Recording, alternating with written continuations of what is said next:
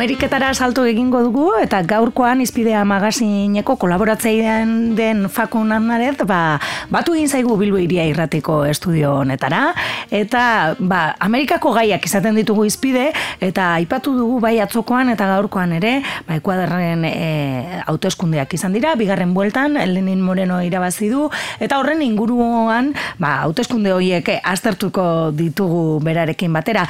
E, esoikoa izaten izan ohi da, ez? E, Ekuadorren bigarren buelta egitea, baina egin behar izan dute, eta azkenean, ba, garaipen estua, baina garaitu egin du.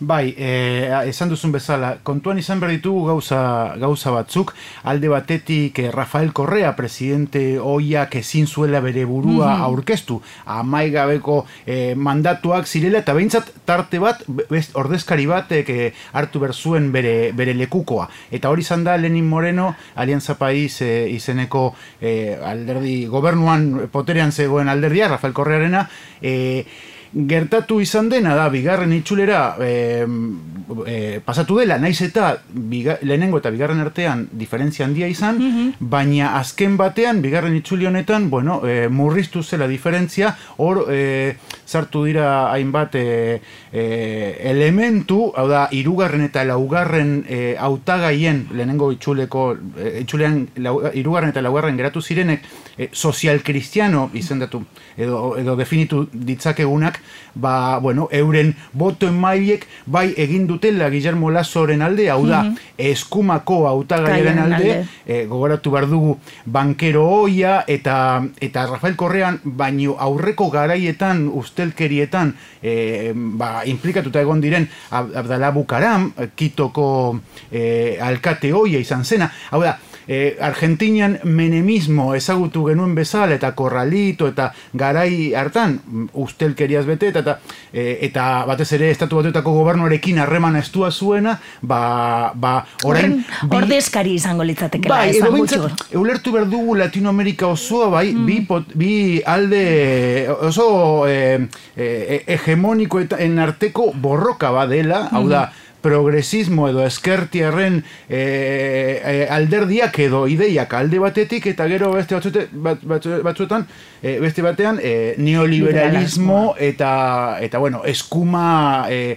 defendatzen dutenek. Hor ditugu adibide asko, e, eman dira gainera e, hartu berda Latinoamerika osoa gertatzen mm. ari den ematen ari den mugimenduak eta Ekuadorren e, e, Ekuadorren eskerreko eskerreko e, garaipenak oso garrantzi handia izango du adibidez Venezuelan gertatzen ari dena on, mm. momentu honetan edo edo oean, hau da, Latinoamerikako eh, Organización de Estados Americanosen barruan ematen diren diplomazia gerret, gerretan ere bai, mm badaude ofensiba asko eta eta horregatik eh, eskerreko alderdiek edo dirigentek edo analistek bai eh, gorepatzen dute Lenin Morenoren garaipena eta eh, garaipen honek izango dituen eh, ondorioak. Bai ez, garrantzitsu gizazen Latinoamerikan ez bezala, eh, ba, bueno, beste herrialde batzuek ez, ba, hor dago ez, Argentinan, Mauri Mauricio Macriren neoliberilismoa ere ez, eta orduan ere honek, ba, bueno, arnaz pizka bat ematen dio Latinoamerikaren argazki guztiari?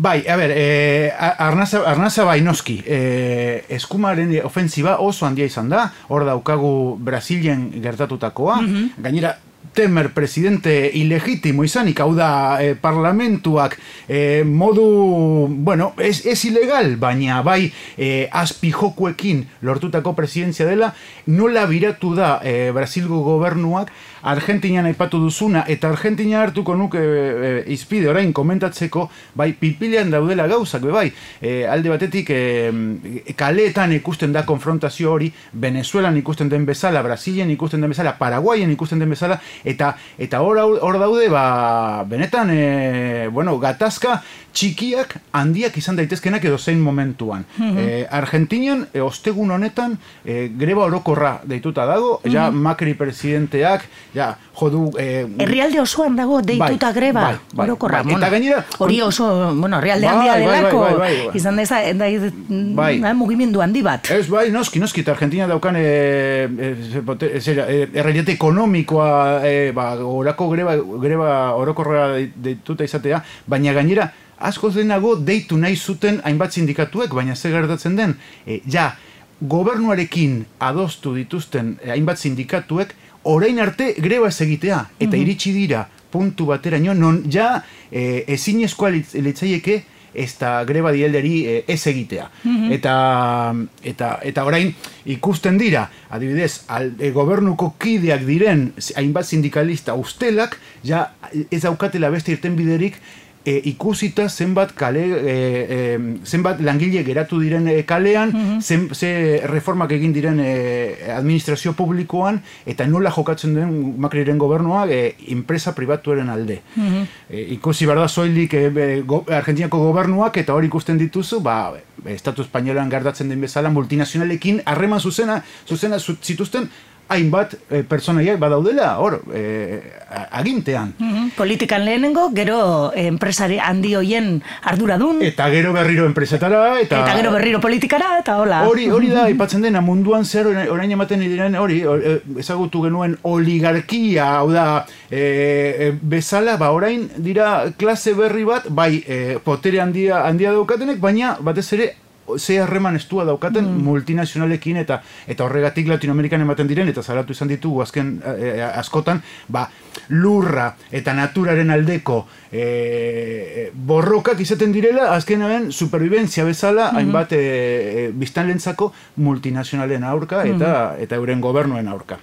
E, E, dinot, e, bai aipatu nahiko nuke, baina bai, bai Argentinako beste irudi bat ikusteko konfrontazio noraino den eta ze bi, bi idei e, oso kontrajarriak ematen ari den e, borroka bat, e, e, asteburu honetan Macriren gobernuak e, kalera e, e, eraman ditu bere jendeak hau da, lehenengo aldiz antolatu zen gobernoren aldeko manifestazio bat.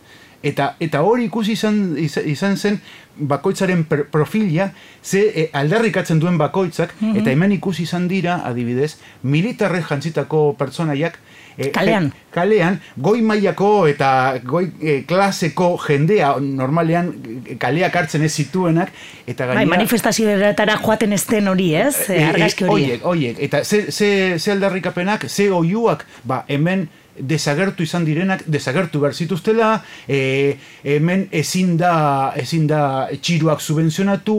Orduan, hemen ikusten da, bai, e, alde batetik, bai, klaseak oso bananduak eta oso, oso idei politikoak e, erabat desberdinak, eta ikusten bai, bai Latinoamerikan, herrialde herrialde, bakoitzak bere, bere errealitate desberdinarekin, ez da berdina Ecuador, ez da berdina Brasil, ez da berdina Venezuela, naiz eta Bolivia, adibidez, hor daukagu, baina orain, e, Boliviari eta Venezuelari e, gehitu zaio, zorionez, e, Ecuador, behintzat kontrapotere horretan e, egiteko ba, eskumaren ofensibaren aurrean. Ziurrenik ez du errez izango Lenin Morenok, ba, dagoeneko oposizioak ere eskatu duelako bertan behera kontaketa bosan, e, trampa Bai. egon dela, abar, eta abar, eta abar, naiz, eta berak esan duen, ba, herrialde osoaren e, gobernatuko duela, baina ez dukiko errez, ez, oposizio gogorra izango duelako. Bai, eta gainera hori ikusten ditugu behin eta berriro errepikatzen diran joera berriak, hau da, inkestak ematen dira ezagutarazte- ezagutaraztea, e, botoak, e, kutsa, boto kutsak zabaldu baino lehenago.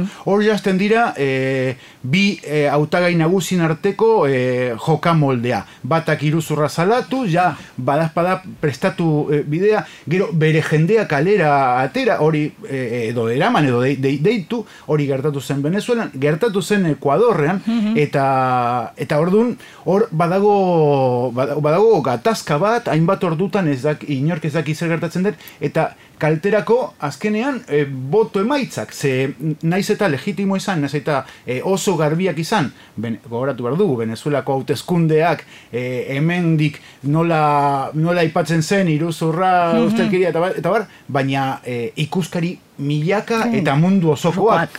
Orduan, e, deslegitim, desle- deslegitimatzen dela e, gehien ikuskatzen dena eta eta berdin da, zezken batean komunikabide gehienek zabaltzen dut, dutenak hori horri aurre egiteko oso zaila da gero, e, bentsat, e, e, teorian, ez da, jendeak esan ez ez, hori ez dela egia, baina naiz eta hori hori gertatu, ba, jende gehienak, edo behintzat hemendik eta ba- bai Latinoamerikan, goi mailako jendea edo klas ertainako jendeak hori da ba, komunikabideen aurrean daukan hor, behintzat sinest, sinesteko ba, e, joera eta, eta hor jokatzen dira bai sare sozialetan ikusi izan ditugu, zaratu izan dira, hainbat mugimenduak, Mhm. hau da, perfil falsuak, tendentziak sortzeko eta gero inkestak desbideratzeko eta eta bai, argi dago bai Venezuelan orain gertatu dena, gertatzen ari dena, e, bai Ekuadorren bai, oso zaila izango direla agintaldiak, e, Lenin Morenoren kasuan edo Rafael Madurorena, baina Baina, bueno, hemen ikusi behar da, e,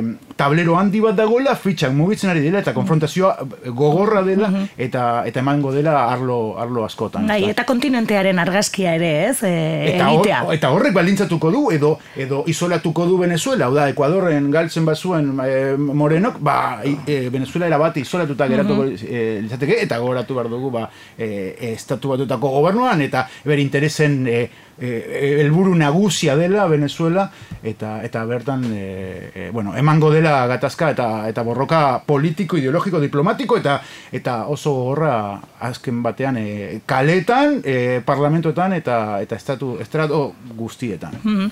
Bueno, ba, fakun hemen itziko dugu, eskerrik asko, beste behin, e, gainera gaurkoan e, gurera, Bilboko estudio honetara hurbildu izanagaitik. Oso gustora. Urrengo batean jarraituko dugu ere Latinoamerikako azterketa hori egiten. Urunetik bada ere, ba, bai, telefono edo zuzenean, baina Bai. izango gara hemen ez zidean. Eskerrik asko. Zuei, agur.